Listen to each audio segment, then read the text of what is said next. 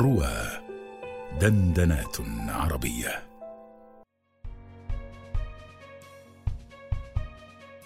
طابت أوقاتكم بكل خير مستمعي رواة الأجلاء وهذه حلقة جديدة من برنامج من الضيف.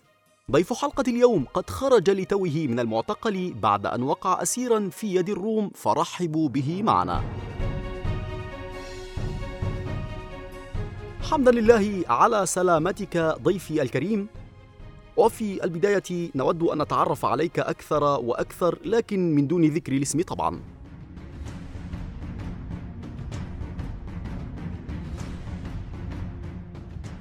سلمك الله واهلا بك وبكل المستمعين في كل بقاع العراق وسوريا.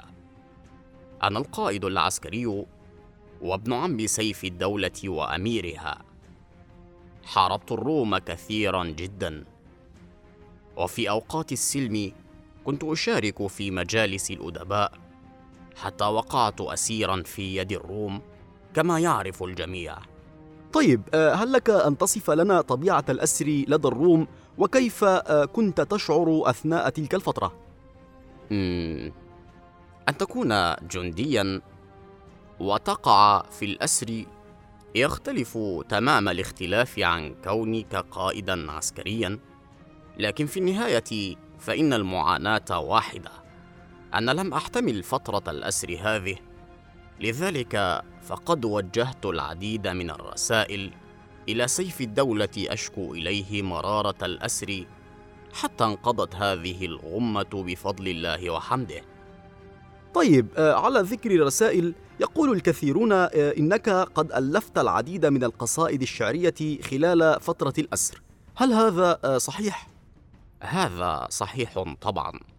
فلدي العديد من القصائد الوجدانية التي أحب أن يطلق عليها الروميات لأنني كتبتها خلال فترة الأسر هذه وما ساعدني على ذلك هو سامحني على المقاطعة لأننا نتلهف صراحة للاستماع إلى بعض هذه القصائد فهل لنا بذلك لو سمحت؟ بالتأكيد طبعا إليك هذه القصيدة التي أقول فيها أراك عصي الدمع شيمتك الصبر أما للهوى نهي عليك ولا أمر. بلى أنا مشتاق وعندي لوعة ولكن مثلي لا يذاع له سر. إذا الليل أضواني بسطت يد الهوى. وأذللت دمعا من خلائقه الكبر. تكاد تضيء النار بين جوانحي.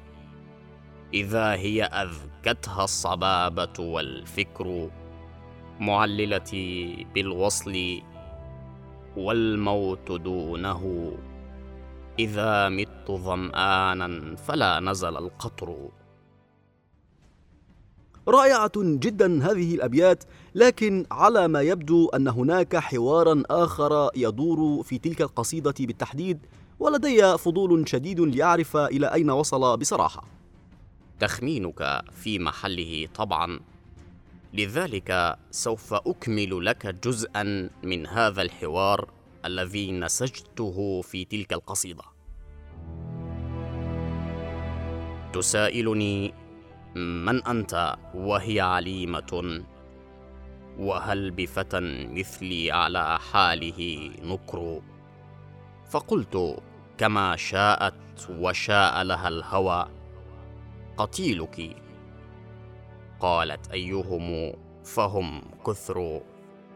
فقلت لها لو شئت لم تتعنتي ولم تسألي عني وعندك بي خبر.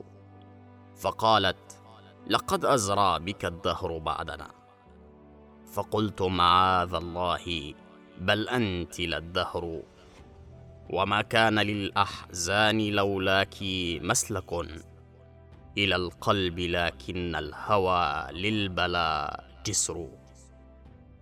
جميل آه، جدا. وأعتقد أن الكثيرين لن يحتاجوا للبحث عنك لمعرفتك بعد هذه القصيدة. نشكرك جزيل الشكر وحمد لله على سلامتك مرة أخرى وإلى لقاء جديد بإذن الله.